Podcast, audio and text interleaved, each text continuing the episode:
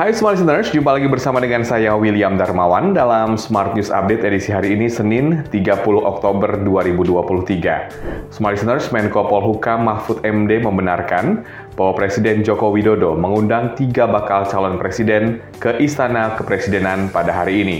Akan tetapi, hanya bakal calon presiden yang diundang, bakal calon wakil presiden termasuk Mahfud MD tidak ikut serta.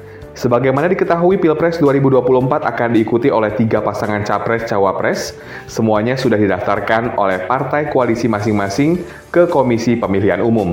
Kita ke berita selanjutnya, investor Korea Selatan disebut berbondong-bondong membidik peluang berinvestasi di Indonesia seusai pandemi COVID-19. Hal ini disebut karena potensi investasi di Indonesia yang kian meningkat dari tahun ke tahun.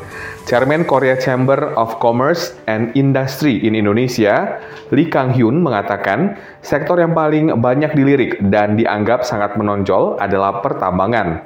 Selain itu, perdagangan kosmetik dan makanan, serta perbankan dan asuransi juga dipandang sebagai potensi investasi yang menarik di mata para investor Korea. Selain itu, perdagangan kosmetik dan makanan, serta perbankan dan asuransi juga dipandang sebagai potensi investasi yang menarik di mata para investor Korea Selatan. Kita ke berita terakhir, Kementerian Energi dan Sumber Daya Mineral buka suara terkait ketentuan baru yang mengatur masyarakat untuk mengurus izin penggunaan air tanah dan sumur bor atau gali.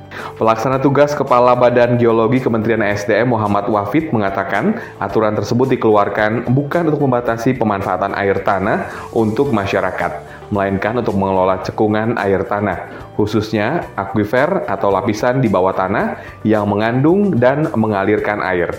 Apabila pemenuhan kebutuhan pokok sehari-hari dengan pengambilan air tanah lebih dari 100 meter kubik per bulan, maka diperlukan persetujuan penggunaan air tanah. Sekian Smartis Update hari ini. Saya William Darmawan mengucapkan terima kasih. Sampai jumpa.